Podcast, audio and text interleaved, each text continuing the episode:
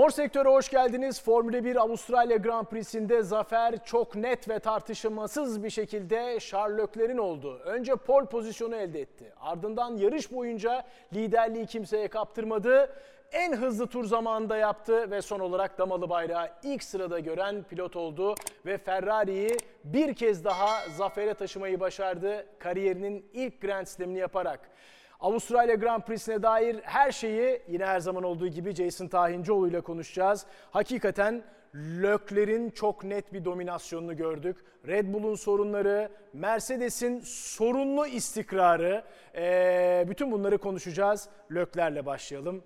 Kusursuz bir performans diyebilir miyiz? Ya kesinlikle öyle işte yani hafta sonu başladığı andan itibaren e, antrenman sıra, antrenmanda sıralamalarda hep hızlılardı ve e, yani Lökler her daim gelişen bir pilot. Biliyorsun geçen senelerde, geçmiş senelerde Lökler ilk sonuçta Ferrari yarışmaya başladığı zaman aracı o kadar hızlı değildi.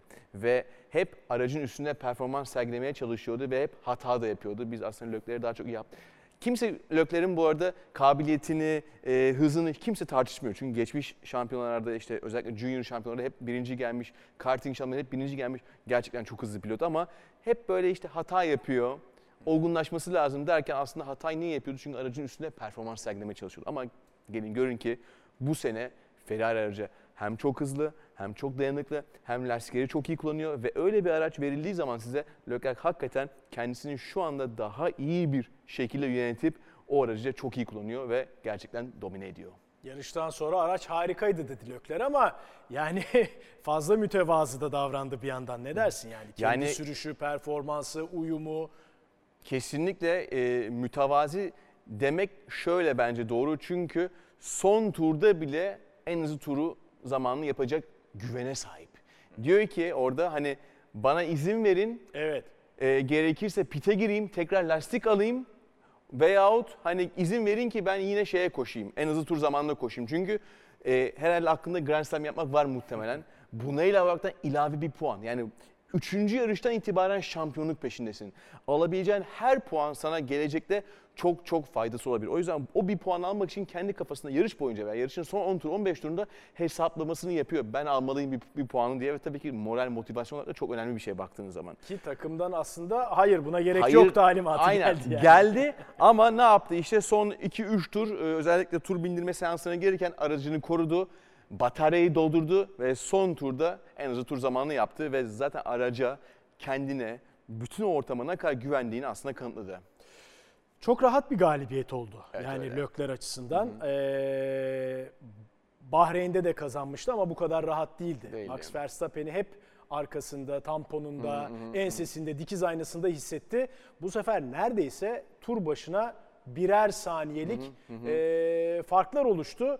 Ki yarışın belki de tek böyle hani gerilimli, heyecanlı anı o 26. turdaki safety car çıkışı oldu.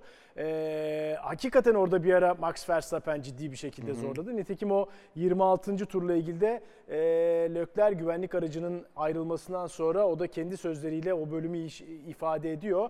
Diyor ki özellikle güvenlik aracından sonra yarış yeniden başladığında çok zorlandım.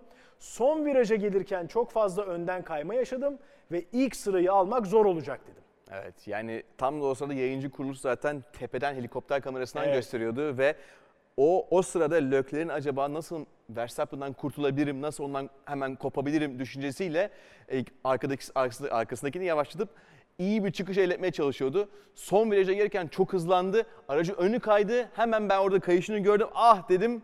Acaba çizgiye kay yavaşlar mı tekrar bir taktik bir şey yapar, yapar mı diye düşündüm. Hayır devam etti. Verstappen hemen arkasına geldi. Defansif konuma geçirmeye geçmek zorunda kaldı tabii. Sonuçta e, hala liderliğini korumak istiyor ama ne yaptıysa yaptı. Liderliğini korudu ve zaten o esnadan, o sıradan sonra da Verstappen'ın yapabileceği hiçbir şey yoktu. Çünkü gerçekten yarış boyunca Leclerc ve Ferrari çok hızlıydı. Yani lastiklerini çok iyi korudular. Ee, hiçbir konuda lastik sıkıntısı yaşamadılar ki Verstappen lastiklerinden şikayetçiydi. Aynı şekilde Evet. Perez de şikayetçiydi. Ee, hem yarış içerisinde hem de yarış sonrasındaki okuduğum makalelerde de lastik sıkıntısı yaşadıklarını zaten söylediler. Ama bunu Ferrari yaşamadı ve zaten bu sebepten dolayı her tur işte yeri gelsen bir saniye ama işte ortalama 0.3, 0.4 nereye baksanız işte bir, belli bir turdan sonra çok iyi bir fark atıp sonuçta rahat bir şekilde birinci gelebildi. Tabii ki sonuçta Verstappen de yolda kaldı. evet o Red Bull'daki sorunları konuşacağız. Evet. Ee, bir de e, özellikle antrenman seanslarındaki e, o kasktan e, izlediğimiz görüntülerde e, yani Mercedes'in hep zıplama sorunundan bahsediyorduk Evet. bugüne kadar veya yunuslama ama Ferrari'nin de çok ciddi bir yunuslama problemi yaşadığını görüyoruz. Lökler bu benim için çok büyük bir problem değil yani önemli olan benim konforum değil birinci olmamız diyor ama ya çok zorlayıcı bir durum değil mi sürücüler açısından bu yunuslama problemi? Belki e, iki düzlükte her tur başına bu da yaklaşık bir yarışta 100 yüzden fazla kere ona maruz kalmak demek. Yani anladığım kadarıyla her 280 kilometrenin üstüne çıktığın zamanlarda başlıyor bu şiddetle artmaya. Şimdi biliyorsunuz testlerden itibaren yani sezon öncesi testlerden itibaren aslında biraz Ferrari'nin bu yalpalanma, yunuslama olayı biraz tiye alınmaya başlamış. Çünkü çok aşırıydı. Daha sonrasında Mercedes şimdi tiye alınıyor çünkü onlarınki de çok aşırı ama aynen dediğin gibi e, Leclerc'in e, işte kas kamerasından ne kadar sallandığını, ne kadar yalpalandığını görebiliyorsun. Ama yine bu performansını pek şey yapmıyor. Bunu hani Etkilemiyor, değil yansımıyor, mi? Evet. etkilemiyor. Keza sürücüler de o kadar eskisi kadar şikayetçi değiller ama diğer tarafta Mercedes'e baktığın zaman biz bunu kullanamıyoruz diyorlar. Yani açıkçası bu yalpalama veya bu yunuslama düzelirse ne kadar daha Ferrari'nin içerisinde bir performans artışı olur onu şu anda tahmin etmek hakikaten zor. Ama senin dediğin de çok doğru. Leclerc diyor bana, ben bu şekilde yarış kazanabiliyorsam sıkıntı Hiç yok. problem Ama değil. fiziksel olarak hakikaten kolay olacağını düşünmüyorum. Her turda iki kere bunu yap- yaşamak yani diyelim ki 10 saniye 15 saniye boyunca şiddetli bu sekmeyi yaşamak o süratte konsantrasyon bozukluğu olabilir. Ee, fiziksel olarak yorabilir ve yani her seferinde gözünüz inip çıkıyor sonuçta kolay bir şey değil fiziksel olarak yani yorar insanı. evet. Peki tekrar Ferrari'ye biraz da Sainz'i konuşuruz ama biraz Evet. da Verstappen üzerinden gidelim. Tabii ki. yani çünkü daha ilk yarışta anladık ki bu şampiyonluk mücadelesi büyük olasılıkla Leclerc'le Verstappen arasında geçecek gibi tahmin ediyorduk ama bu sefer Red Bull'un e, başka sorunları ortaya çıkmaya başladı. E, yani çok ilginç bir durum. Geçen yıl sadece Abu Dhabi Grand Prix'sinde Perez mekanik bir problem nedeniyle yarış dışı kalmışken daha bu sene 6'da 3 oldu. Yani hani 3 yarış, ikişer pilot ve 3 kez yarış dışı kaldılar ve üçü de mekanik sorun yüzünden. Ee, Bahreyn Grand Prix'sini ikisi de tamamlayamadı Evet. ve burada da Verstappen. Christian Horner burada yakıt sistemi sorunu diyor. Bahreyn'den farklı bir şekilde ama yakıt sistemi sorunu diyor. Red Bull'un bir dayanıklılık problemi var. Belli. Bunu görüyoruz. Belli yani ve her iki aracın da benzer bir parça içerisindeki bileşenden dolayı kalması yani benzin sisteminden kalıyor olması zaten sonuçta sistemin veya sorunun orada olduğunu çok net bir şekilde gösteriyor. Ki Alfa Tauri'yi de ekleyebiliriz buna. Evet. Da önceki yarışlarda. Aynen ee, ve çok ilginçtir bakıldığı zaman bu benzin pompası ya benzin sistemi aslında çoğu araçta aynı. Hemen her araçta aynı diye biliyorum. Ve magnetic marine sistemi galiba yanlış hatırlamıyorsam. Ama e, ısrarla Red Bull'un bu sıkıntıyı yaşıyor olması gerçekten çok e, insanı kuşkulandırıyor, şüphelendiriyor. Acaba niye? Bu bir e, acaba aracı birleştirirken mi veya farklı bir tasarımdaki sıkıntıdan dolayı mı kaynaklanıyor? Veya mekanik hata mı? Hiç tasarımsal hata bilmiyorsun veya operat, operasyon tarafına ya bu, bu ürünü kullanırken bir sıkıntı yaşıyorlar bilmiyorsun ama gerçekten e, 6 yarışta sadece 3'ünü bitiriyor olmak şey yani endişe verici bir şey. Evet. Bakıldığı zaman. Ki Takım puan alamıyor. Bu çok önemli bir şey. Ki Verstappen yarıştan sonra da bayağı moralik bozuktu. Yani eee, hayal kırıklığı yaşadığını çok net bir şekilde e, dile getirdi. Bırakın şampiyonluk dahi konuşmayı. eee, biz kilometrelerce uzaktayız. Şu noktada şampiyonluk mücadelesini düşünmek dahi istemiyorum. Bu durum sinir bozucu ve kabul edilemez diyor. Yani unutmayalım şimdi Verstappen son dünya şampiyonu. Evet. Bunu geçen sene veya bir önceki sene böyle bir yorumda bulunmaz. Bu kadar keskin yorumlarda bulunmazdı. Ama geçmiş senenin veya son şampiyon araç gerçekten çok hızlı, şampiyon olabilecek bir araç ve bu elinde bu güçler varken hem kendi özgüvenin hem de aracın sana sağladığı hız ve özgüven olduğu zaman ve araçta bir sıkıntı olduğu zaman da maalesef böyle keskin cümleler tabii ki ortaya çıkıyor. Şu anda Red Bull'un veya Verstappen'ın e, yenilmeyi hazmedememesi çok normal. Çünkü amaçları tekrar şampiyon olmak. Bir kere şampiyon olmak sorun değil. Ama ikinci kere, üçüncü kere onu aynı şekilde yapabilmek daha zor her zaman. Ki Verstappen sıralamalardan sonraydı yanlış hatırlamıyorsam.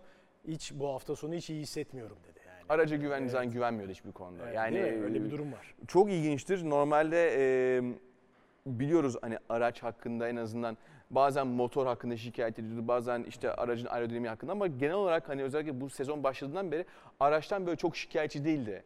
Tabii ki klasik ne zaman istediği performansı alamıyor insan. Yolda kalınca. Bir yerde bir yerde tabii ki kabahat bulmaya çalışır. Bu çok normal yarış yarışçı psikolojisi yani sürücü psikolojisi. Ama daha sezonun başındayız. Umuyoruz ki bu artık benzin pompası veya benzin sistemindeki sorunları çözerler ve biz hakikaten e, görmek istediğimiz Red Bull Ferrari çekişmesini bir sonraki yarışta görürüz. Yani yarış çok rahat oldu Lökler adına diyoruz. Evet. Bunun da en büyük kanıtı herhalde kanıtı Perez'in yarış sırasında e, takımla yaptığı konuşmalardı yani. Hey uyuyor musunuz orada mısınız tadında? yani e, taktiksel olarak bir değişik yapamıyorsun çünkü o, o konumda değilsin. E, zaten öndekiyle arkandakiyle fark çok açılmış yarış. Yani evet belki aslında Perez'in tabii son turlarda biraz Mercedes'le daha yakındı özellikle sıralama turları, ay şey e, güvenlik aracı girdiği Evet. zaman. E, ve yarışın başında da biliyorsun Mercedes'lerle boğuşuyordu. Hamilton önüne geçmişti. Tabii yarışın sonunda e, biraz yalnızdı ve hakikaten soruyor yani ne oluyor arkadaşlar oluyor? yaşıyor musunuz yani kim kim orada? Çünkü bak çok çok ilginç bir psikoloji bu. Tek başınasın aracın içerisinde sonuçta single seater boşuna demiyorlar. Tek kişilik, Evet. tek koltuklu ve o sırada tek komünikasyon kurduğun insan radyodaki kişi.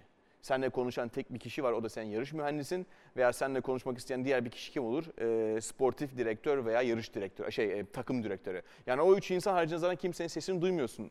Ama her daim seninle konuşmak isteyen veya sen, seninle irtibat olan insan senin yarış mühendisin. E, uzun süre sustuğu zaman da yani insan merak ediyor neredesiniz arkadaşlar sıkılıyorsun demektir ki. yani o kadar yüksek süratte bile muhabbet istiyorlar Kesinlikle biraz. öyle. Bir- O, o bilgi gelmesi lazım o. Tabii, evet. O bilginin gelmesi Ama lazım. işte bilgi verecek bir durum yok ortada İşte yani. zaten sıkıntı Şu o. kadar yakınsın, şu kadar Evet. uzaksın, arkandan geliyor, önünde mesafe var. Ya. Veyahut da hani o sırada bir sorun da yoktu.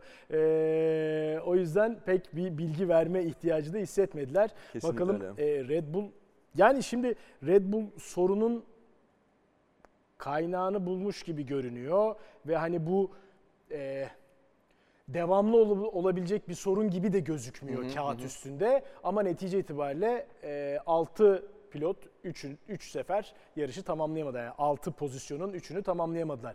Peki izleyici soruları da aldık bu hafta Jason. Evet evet cevaplayalım kesinlikle. Evet onlardan birini alalım. Ee, Vendetta ee, rumuzlu izleyicimiz şimdi ee, onun sorusunu ekrana getireceğiz. O aslında bizim e, NTV Spor YouTube kanalının sadık izleyicilerinden. Oo, süper. Sadece Formula 1 programı değil e, futbol programlarını da izliyor. Süper. Nebil abi ben sana sormuştum Ferrari döndü mü diye bu sefer cevabımı bekliyorum demiş. XF programında sormuştu. Valla aslında benim bir cevap vermeme gerek yok. Bilmiyorum sen ekstra bir şey söylemek ister Yani misin? en azından yani bu- hem e, pilotlar klasmanı hem e, markalar klasmanı bunu çok net gösteriyor. İlk 3 yarış için döndü diyebiliriz. Evet değil mi? Yani çok net. Çok net. E, Sainz'a burada Ferrari'yi biraz daha konuşurken Hmm. Tabii Lökler'i övüyoruz. Grand Evet, Slam evet, yaptı. evet. Olağanüstü bir hafta sonu geçirdi. Ee, şampiyonluğun en kuvvetli adayı şu anda belli ki. Ama Sainz için işleri hiç iyi gitmedi. Yani e, hem sıralamada Kırmızı biraz bayrak. belki şanssızlık. Evet, kırmızı yani bayrak. kırmızı bayrak çıktı. Sonra pite garaja girdikten sonra bir motor sorunu oldu. Az zamanı kaldı. 9. sırada bitirdi. Kalkış yapamadı Evet. istediği gibi. Debriyaj sıkıntısı yaşadı. ikinci turda da hemen yarış dışı kaldı. Sainz e, gerçekten bence e, bu hafta sonu Ferrari için çok değerli puanlar alabilecek bir konumdaydı, hızdaydı. Senin detayların gerçekten sonuçta doğru çünkü bakıldığı zaman e, 9. sırada başladı. Niye? Kırmızı bayrak tam tam düzlüğe gelirken çıktı karşısına ve Evet. yarış sonuçta turu sayılmadı. Tekrar denendi, hata yaptı, olmadı. Yarışta debriyaj sorunu yaşadı, kalkışta kalkamadı, 9.a düştü. Birisi- 14. düştü. 14. 9. Ondan başladı, sonra 14. Mick Schumacher'di galiba e, hızlı sol sağ kompleksinde dışarıdan geçmeye çalışırken dışarı çıktı, spin attı, kaza yaptı. Yani sürat olarak zaten şu anda kimse Sainz'i eleştirmiyor. Ben açıkçası Sainz'in böyle bir hata yaptığı günü de hatırlamıyorum. Yani böyle bir e, sebepten dolayı kaza yapmış olmasını da hatırlamıyorum. Çünkü normalde Sainz güvenilir bir pilot. Zaten Böyle- çok uzun zamandır e, puan alma Evet. ve şey serisi vardı. Evet, aynen. Yarış bitirme serisi Aynen. vardı. Yani ilk defa şahsen ben e, Sainz'den böyle bir hata şaşırdım yani. Çünkü dediğim gibi çok uzun süredir yarış bitiriyor, puan alıyor. Puan almasa bile sonuçta araç performans göstermediği günler, eski günlerinde tabii ki işte ben bu e, McLaren'de olabilir veya işte Toro Rosso olabilir vesaire eski takımlarında hakikaten yarış bitirirdi yani böyle hata da yapmazdı. Çok ilginç.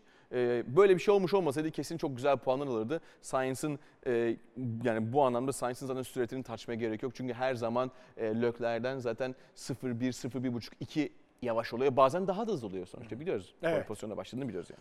Bir soru daha alalım. Ee, tam da Sainz'la ilgili bir soru geldi. Sainz eğer iyi bir performans gösteremezse acaba Ocon ya da Norris düşünülebilir mi? Ocon veya Norris Sainz'dan daha iyiler mi? Yani bildiğim kadarıyla Carlos Sainz'ın e, sözleşmesi 2024'e kadar. Yani önümüzde galiba en az bir iki senesi daha var Ferrari ile.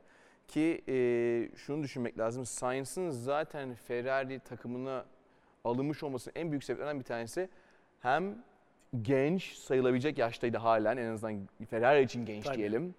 Bir o kadar tecrübeli ve güvenilebilir. Yani e, yarışçı ve babanın sonuçta e, oğlu bakıldığı zaman Carlos Sainz'ın oğlu e, çok inanılmaz bir motorspor kültürüne sahip, aracı geliştirme konusunda iyi, e, geri bildirimleri iyi. Hakikaten e, bir takımın isteyebileceği niteliklere sahip bir zaten pilot bakıldığı zaman, sürücü. Şimdi bununla beraber hızlı ve e, gereken neyse onu zaten karşılıyor. İşte biraz önce konuşuyorduk. Şu ana kadar çok yarış bitirdi ve çok güzel puanlar aldı. Böyle bir hatayı ilk defa görüyorum ben kendisinden.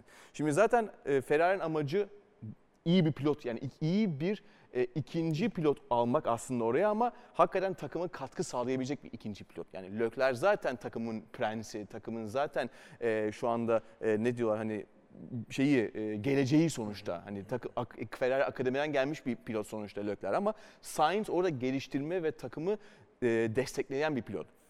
Şimdi diğer diğer soru ise Norris veya Ocon gelir mi oraya? Düşünür mü? Eğer ki sözleşme gelecek sene bitiyor olsaydı ben hala düşüneceğini zannetmiyorum. Çünkü Gerçi No- hali tam hala da tam imzalanmadı. Yani Evet. Mart ayında çıkan haberlerde Hı hı. 2-3 yıllık bir sözleşme geliyor gibiydi ama Yani benim ilk bildiğim ilk sözleşme 2024'e Evet. kadar ama sorun değil. Eğer ki gelecek sene bitiyorsa da hala Norris veya Ocon'un düşüneceğini düşünmem açıkçası. Çünkü Norris de sonuçta şu anda genç yetenek, parlan bir yetenek ve Mercedes'in şu anda birinci e, sürücü konumunda. İki tane bir numara bir takıma olmuyor. Biliyorsunuz bunu geçmişte gördük. Evet. Sonuçta e, hem çok geçmiş yıllarda hem de en son en son örneği bence Hamilton ve Alonso'ydu. Sonuçta çakışıyorlar biliyoruz bunu.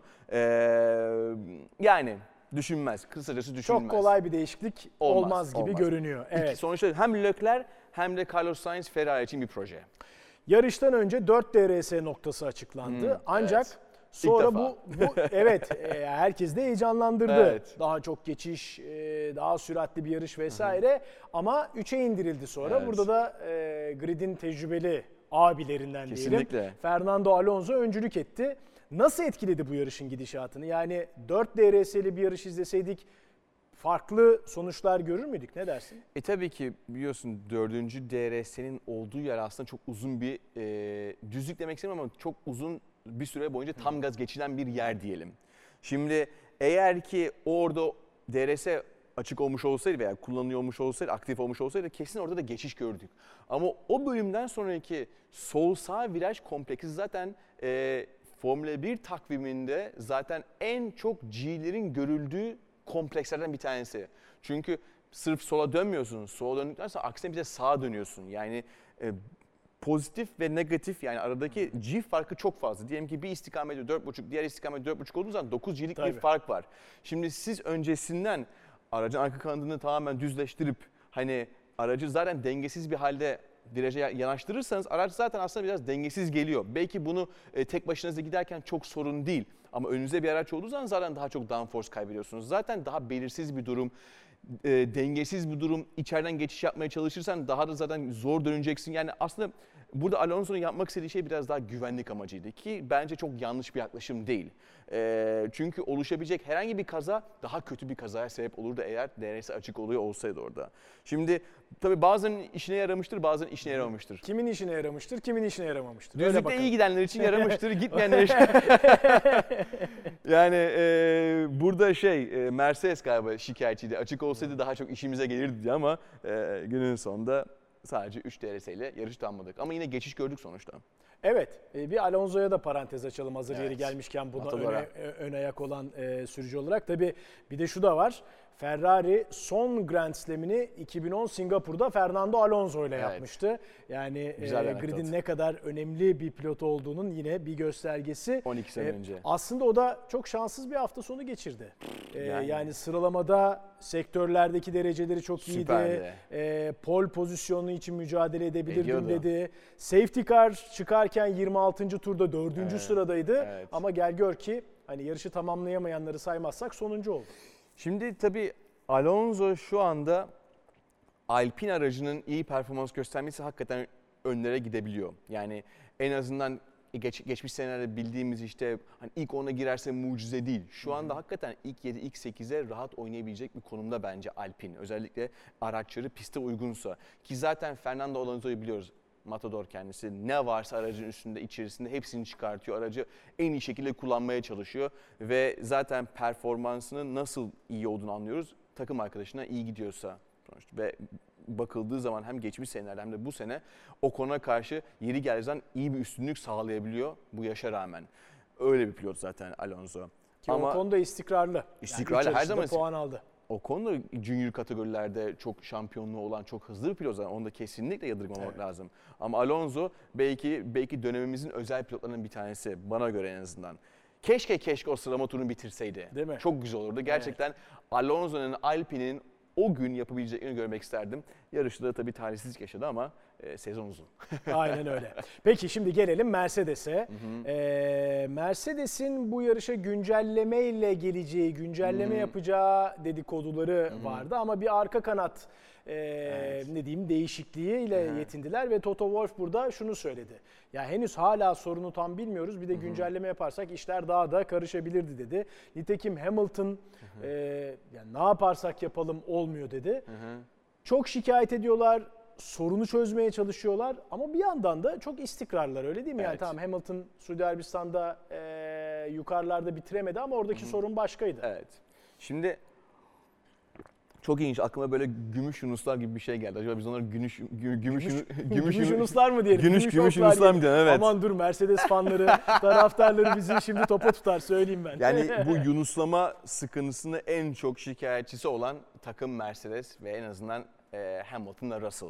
Her daim bu işte yalpalanma, yunuslamadan dolayı e, şikayetçiler ve aracı kullanamadıklarını özellikle yüksek süratli virajlarda sıkıntı yaşadıklarını söylüyorlar. Çok ilginç. E, ve her yarışa da arka kanat opsiyonlarıyla geliyorlar. Her Evet. yarış yeni bir arka Doğru. kanatla gelmeye çalışıyorlar ki acaba bu işte yalpalanmayı, sekmeyi, yunuslamayı nasıl azaltırız diye ama belki de belki çok Toto Wolff'un da dediği gibi belki daha dipten bir sorun var. Bunun çözülmesi lazım.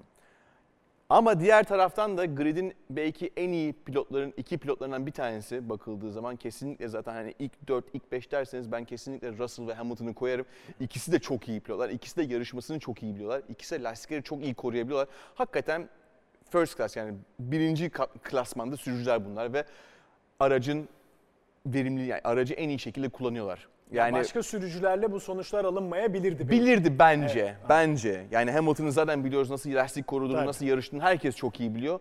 Russell bu yarış evet safety car'dan dolayı daha şanslıydı. Tam o pit e, pite girme anına denk geldi. Onu çok iyi değerlendirdi ve bu sayede de zaten Hamilton'ın önüne bitirmeyi başarabildi ve gel gör ki takım klasmanı ikinci şu anda. Evet. Aynen öyle. Hamilton'ın yarış içinde bir telsiz konuşması takımla biraz böyle şeye neden oldu. Tartışmalara neden oldu. Ee, takıma bir eleştiride bulunmadım. Geri çekilmek zorunda kaldım. Çünkü araç fazla ısınmıştı. Bu sebeple beni çok zor pozisyona soktunuz dedim. Ama bu açıklamaya rağmen hala biraz bu konu konuşuluyor. Yani çünkü bizim telsiz konuşması duyduğumuz beni çok zor pozisyona soktunuz. o Biz kadar o da. kadarını duyduk. Evet. Bu açıklamanın daha doğrusu yarıştan sonraki açıklama.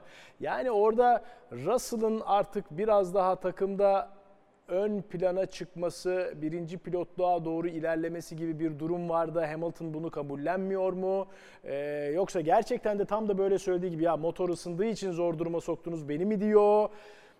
Bu tartışma biraz sürüyor. Ne yani dersin? burada tabii ilk başta beni çok zor duruma, çok zor bir pozisyona soktunuz beni. Ben ilk başta acaba hani bu şeyle alakalı mı, bu işte stratejiyle alakalı evet, mı gibi düşünmüştüm ilk başta. Tabii ama arkasında işte neymiş herhalde yarışın e, bir bölümünde belki farklı farklı motor veya işte e, motor modlarında gidip işte aracı belki fazlasıyla ısıttığını tabii buradaki detayı bilmiyoruz ama belli ki yarış içerisinde bir şey yapmış ve bu sebepten dolayı bir şey olmuş gibi olmuş ki yarışın sonlarına doğru Russell'a atak yapamayacak duruma gelmiş. Evet. Herhalde onu anlayabiliyoruz ancak veya öyle yorumlayabiliyoruz ve tabii ki e, 7 kere dünya şampiyonu gelmiş bir insan e, takım arkadaşının arkasına bitirmeyi istemez. Hele hele şu anda takımı yeni gelmiş, e, kendisinden çok genç ve gelecekte takımın yatırım yapacağı bir pilot olduğu zaman. Yani Hamilton sonuçta bu takımın e, yıllar yılı domine etmiş bir Tabii. pilot. E, Şu anda istatistik olarak en iyi pilot zaten. E, kral pozisyonunda ve yeni bir şey geldiği zaman, çocuk geldiği zaman mahalleye tabii ki insan böyle bir şey yapıyor. Hani e, hayırdır inşallah arkadaşlar diyor yani. Ki Toto Wolff de hani şimdiden ya Hamilton seneye de bizde olacak zaten Evet. gibi böyle açıklamalar yaparak yani aslında burada böyle bir durumun söz konusu olmadığını, Hamilton'ın senin tabirinle hala kral olduğunu ifade etmeye çalışıyor bu Ama ben, hiç, tartışmaları. ben hiçbir konuda zaten e, o sırada yani o esnada Mercedes'in e, Russell'ın Hamilton'a yol vermesini isteyeceğini düşünmezdim zaten yani. Evet o esnada e, pit yani safety car'dan dolayı güvenlik aracının e, zamanlamasından dolayı dolayı Russell pit stoplarda çok şanslı bir an yaşadı ve öne geçti. Bu çok doğal bir şey. Yarışın yarışın yani yarışın fıtratında var diyelim böyle şeyler. tamam mı yani? Olabilir böyle şeyler. O esnada hani daha sezonun çok erken, çok başındayız. Böyle bir değişimin istenmesi zaten bence mümkün değil ki olmadı zaten. Ki bilmiyorum bana katılır mısın? Yarışta bir sürü geçiş oldu ama e, en güzel geçişlerden ikisi şuydu. Biri daha startta Hamilton'ın o boşluğu Evet, görüp çok iyi değil görüp mi? geçen Harika şey girdi oraya o boşluğa. Biri de yine Hamilton'ın maruz kaldığı bu sefer Perez'in Hamilton'a geçişi. Evet. Değil mi? Güzel, Hakikaten iki- yani iki- yarışın güzel geçişti. en böyle e, adrenalini yükselten ve heyecanlandıran anlarıydı.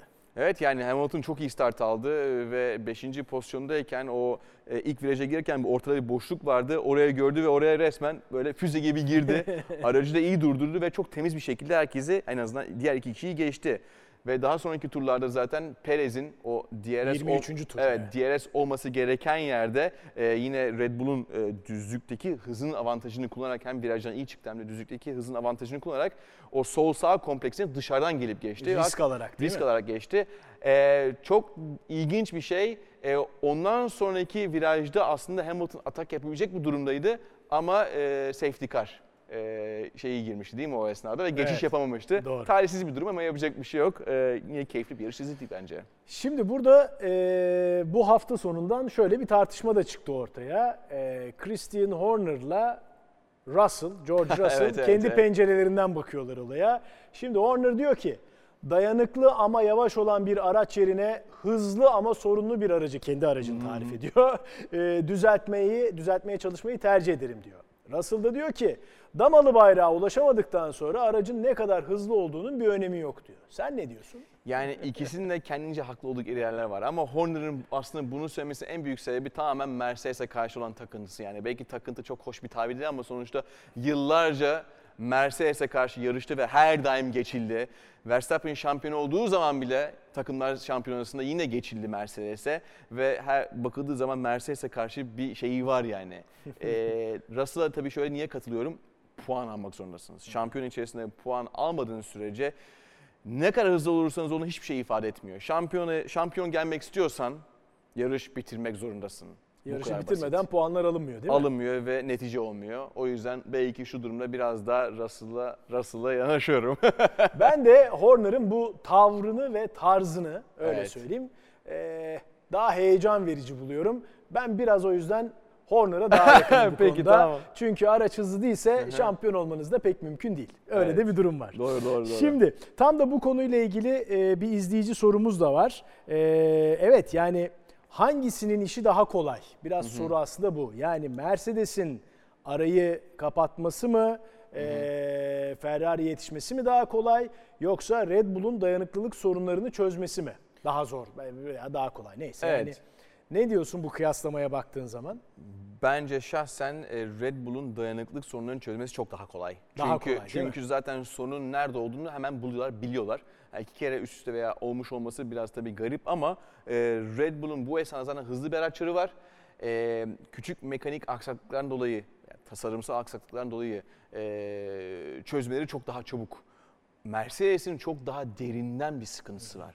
Aerodinamik olarak çok e, direnen bir araç yani sonuçta drag dediğimiz e, bir, bir durum söz konusu ve rüzgara karşı çok direnç sağlıyor. Bununla beraber yunuslama sıkıntısı var. Bununla beraber motor istedikleri yerde değil hala. Geçmiş senelerde gördüğümüz o Mercedes dominasyonu, motor dominasyonunu şu anda göremiyoruz. E, halen kendilerini her ne kadar şikayet etmeseler bile dışarıdan motorun eskisi gibi olmadığı zaten çok belli. Yani kısacası Mercedes'in işi zor. Zaten eee, hani Red Bull konusu, Red Bull Ferrari rekabeti konuşulurken Mika Hakkinen Avustralya Grand Prix'sinden önce şöyle bir açıklama yaptı. Şöyle bir yorumda bulundu daha doğrusu.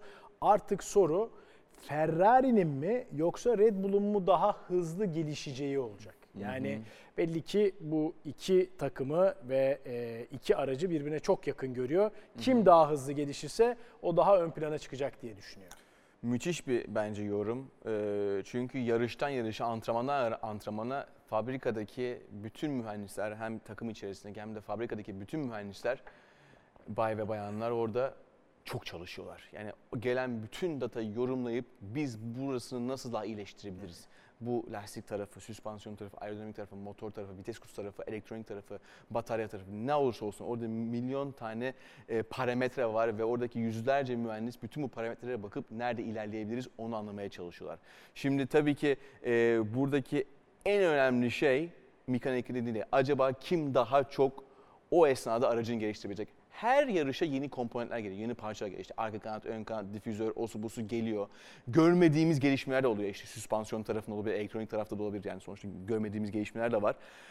Ama yani bunu en hızlı yapacak insan veya en çok yapacak insan zaten bir sonraki yarışlarda e, ne kadar daha iyi olduğunu göreceğiz. Biliyorum Haas'ı sonra konuşuyor olacağız ama Evet. ben aslında Haas'a da gelmek istiyorum. Gel. Şöyle geleceğim çünkü bu soruya istinaden geliyorum. Haas ilk iki yarış çok kuvvetliydi, çok iyiydi. İki farklı pisti. Yani bir bol düzlüklü hızlı virajlı bir pisti. Bir tanesi daha dur kalk bir pisti. İkisinde de çok iyiydi. Çünkü bir buçuk sene boyunca bu arabayı tasarladılar. Tamam. Buraya hazırlandılar. Ama bu yarışta istedikleri performansı veya beklediğimiz iki, ilk yarışta gördüğümüz performansı göremedik. Niye? Çünkü Haas nispeten küçük bir takım. Ferrari, Mercedes, Red Bull, McLaren'e kıyasla mühendis sayısı açısından, ARGE kapasitesi açısından. Şimdi o ara, onlar araçlarını onlar diğer takımlar kadar hızlı geliştiremiyorlar.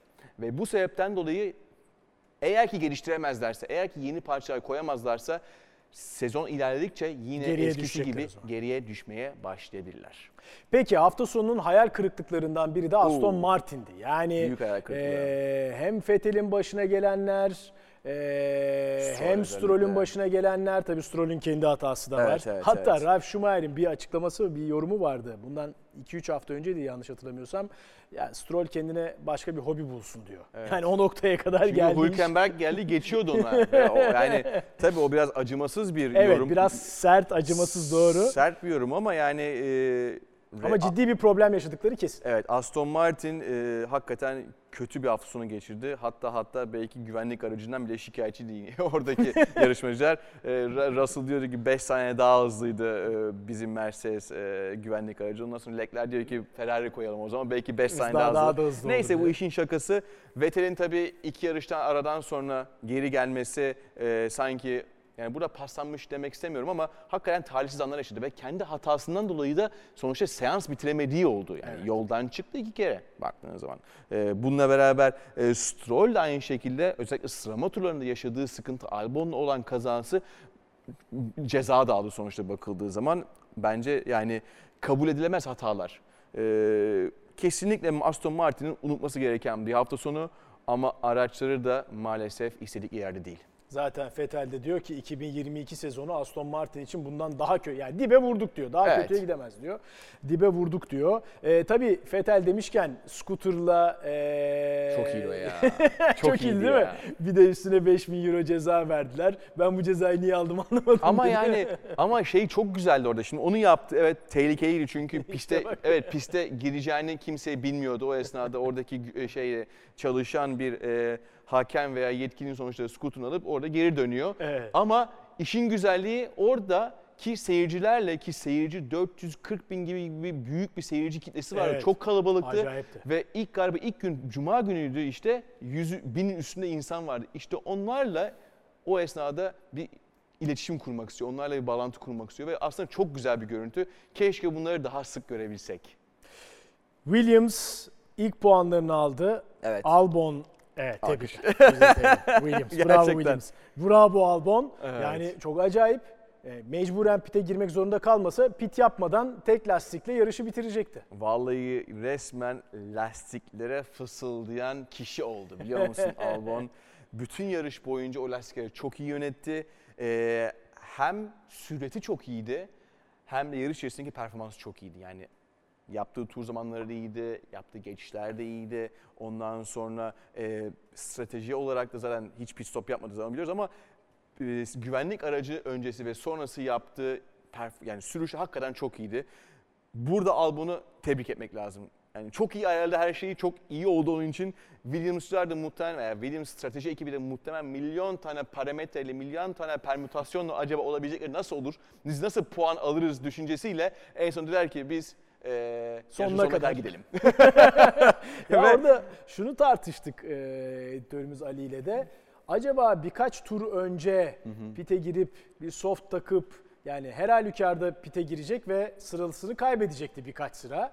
E, sonra da acaba bir safety car olabilir mi, bir güvenlik aracı girer mi onun beklediler. Sen ne diyorsun? Ya muhakkak Her şey- gibi her şey- yüzlerce detayı düşünüp karar vermişler. Her şeyin bir ihtimali var Ee, ve muhtemelen eğer ki farklar biraz daha istenilen şekilde olmuş olsaydı yani evet ben e, şimdi 9 tur kaldı pite gireceğim acaba nerede çıkacağım? Kimin hangi grubun Doğru. ortasına çıkacağım? O bir çünkü yavaş bir gruba denk gelirsem yeni lastiğin bir anlamı yok. Boş bir alana gelmem lazım. Bununla beraber diğerleri pite girmiş mi girmemiş onlar da girecek var mı? Başka bir konu. Ee, ve tabii ki eğer ki yeterince kadar bir mesafe varsa ben atıyorum e, tur başına yarım saniye 0.7 bir saniye hızlı gideceksem önümdekinden acaba yetişebilecek miyim? Gibi bir sürü parametre var. Ey be doğru bence doğru karar vermişler ya. Ki puan almışlar. e, sürat anlamında belki e, burada olmamaları lazımdı ama Albon'un müthiş, müthiş, müthiş, müthiş, müthiş sürüşü ve Williams'ın stratejisi onlara gereken istedikleri, hak ettikleri bir puan aldırdı. Yarıştan sonra Norris'le birlikte röportaj veriyorlar. Norris bir farkında değil olayın. Evet. Ee, nasıl yani hiç pite girmedin mi diyor. Evet girmedim diyor. o da ondan sonra ama son turda girmek zorunda kaldım diyor. Zorunlu pit stop çünkü. Böyle kural mı olur diyor. Norris de sinirleniyor Evet, evet, yani evet. ona. Keşke hiç girmeseydin diyor. Sıralarını kaybetmezdin diyor. Ee, McLaren'e de bir parantez açalım. Evet. Aslında hafta sonunun kazananlarından da diyebiliriz Kesinlikle McLaren öyle. için. Ee, orada da şu var yani Norris de söylemişti hafta sonunda bu pist bize daha uygun. Ee, evet biz de sürekli çalışıyoruz, gelişmek için e, önemli çaba sarf ediyoruz ama işin doğrusu büyük oranda pist meselesi. Pistin bize uygunluğu bize biraz daha öne çıkarıyor dedi. Norris, Ricardo da bu sezonun ilk puanlarını almış oldu. Evet zaten e, muhtemelen Bahreyn ilk sezon ilk yarışı Bahreyn Grand Prix'sinden sonra daha kötü gidemezlerdi. yani orası orası dibe vurmuşlardı ve orada da demişlerdi ki e, bu pist bize uygun değil. Çok dur, e, kalk, dur, dön, kalk gibi bir e, pist olduğu için bizim araca uymuyor dedi. E, sonra Suudi Arabistan'a gitti daha akıcı, daha hızlı virajların olduğu bir yerde ki daha iyi performans gösterdiler. Keza buraya geldik şu anda yine çok değerli puanlar aldılar. Yani 5. 6. bitirdiler sonuçta. Şu anda e, bakıldığı zaman e, McLaren takım olarak en iyi performans gösterdiği yarıştı. Bundan sonra tabii ne olur? Nasıl bir ilerleme kat eder? Nasıl geliştirir aracı? Bu, bunu görmek lazım. Ama en azından e, hem e, Norris hem de işte sonuçta evinde yarışan Ricciardo için de bence güzel bir sonuçtu. Daha iyisini yapamazlardı. Hızlıca e, klasmanlara da bakalım. Sürücüler klasmanında tabii Lökler'in çok net bir dominasyonu, Dominasyonu var. var. 71 puan. Russell ikinci sırada 37, Sainz 33, Perez 30. Verstappen nerede ya? Bulmakta zorlanıyorum. Son şampiyon Verstappen 25 puanda, Hamilton'da 28 puanda. Markalarda da yine elbette e, Ferrari'nin önemli bir üstünlüğü var. 104 puandalar. Mercedes 65, Red Bull Racing 55 ve McLaren'de 24 puanda. Şu anda puanı olmayan tek takım da Aston Martin. Onu da belirtelim. Şimdi size bir sürprizimiz var. Ee, Jason Tahincioğlu hep bizde burada ekranda bu e, touch screen'de gösteriyordu bir sonraki yarışın e, pistin özelliklerini. Bu sefer dedi ki bir dakika dedi ben kullanayım, sürüşü yapayım pistte ve size izleteyim dedi. İşte buyurun Imola pisti ve Jason Tahincioğlu'nun performansı. Evet Formula 1 2022 takvimin dördüncü yarışı Emilia Romagna yarışı için neredeyiz? Autodromo Enzo Edino Ferrari pistindeyiz. Yani biz bunu Imola olarak biliyoruz. 4.9 kilometrelik 18 virajlık pistin gelin bir rehberini yapalım. Evet 1.3 kilometrelik uzun düzlükte şimdi hızlanıyoruz. 8. vitese atıyoruz. Ve ilk viraj Tamborello kompleksi için geliyoruz. 100 metre tabelasından sonra frene basacağız. Fren fren fren. İlk apex, ikinci apex hızlanmaya başlıyorum. Hep dışarıdan içeriye. Şimdi Villeneuve kompleksine geliyoruz. Bu sol çok kritik. Biraz ayağımı gazdan çekeceğim. Fren fren fren. İyice açıldım. Şimdi tırmanış başlıyor. Tosa virajı. İçerideki Apex'e kalıyoruz. Tırmanış için hızlanıyoruz şimdi. Evet. Piratella virajı geliyor şimdi. Kör bir viraj aslında. 50 metre tabelasına frene basacağım. Sola attım arabayı. Hızlanıyorum tekrar. Ve iniş başladı. Aqua Minerali 1, 2. Burası tam gaz. Fren, fren, fren, fren. iyice fren yaptım. Tekrar ufak bir tırmanış. Ve Variante Ultra şikanına doğru geliyoruz.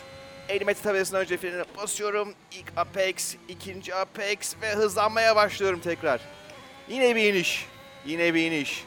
Evet son iki viraj. Rivarsa kompleksi geliyorum. Arabayı düzelttim. İlk viraj Apex'i kesiyorum. Açılıyorum iyice. Tekrar kapanıyorum. Ve hızlanıyorum. Ve Imola pistinin rehberini böylelikle yapıyoruz. Vay harika atmışsın turu. Derecen kaç? Yani net bir şey söylemeyeyim ama pole pozisyonuna başlamazdım. Ama bence puan alırdın kesin. puan puan alırım evet evet evet. evet. Evet Jason çok teşekkür ederiz. Avrupa'ya dönüyor ee, yarışlar. Formula 1 evet Imola pisti gerçekten çok keyifli bir pist. Zaten e, geçen hafta e, e, GT4 yarışımı orada yapmıştım. E, Nasıl nakar- geçti o yarışlar? Evet sormayı Yani ya. güzel geçti. Ee, en azından 15 sene sonra, 14-15 sene sonra yarışıyor olmak hakikaten ilgi- ilginç geldi, farklı geldi. Diğer e, 50 tane araç vardı gridin üstünde. 50, 50 kişiyle beraber yarışıyordum. E, farklı araçlar, e, işte kapışma, yarışma. insan özlemiş hakikaten yani. Bunu çok uzun süre yaptım ve yine bunu yapıyor olmak hakikaten inanılmaz geldi bana. Ama e, en azından Formula 1'in Avrupa'ya dönmesi saatler konusunda da bize biraz rahatlık sağlayacak. Ona hiç şüphe yok. İtalya Grand Prix'sinin ardından yeniden Mor Sektör'de sizlerle birlikte olacağız. Görüşmek üzere.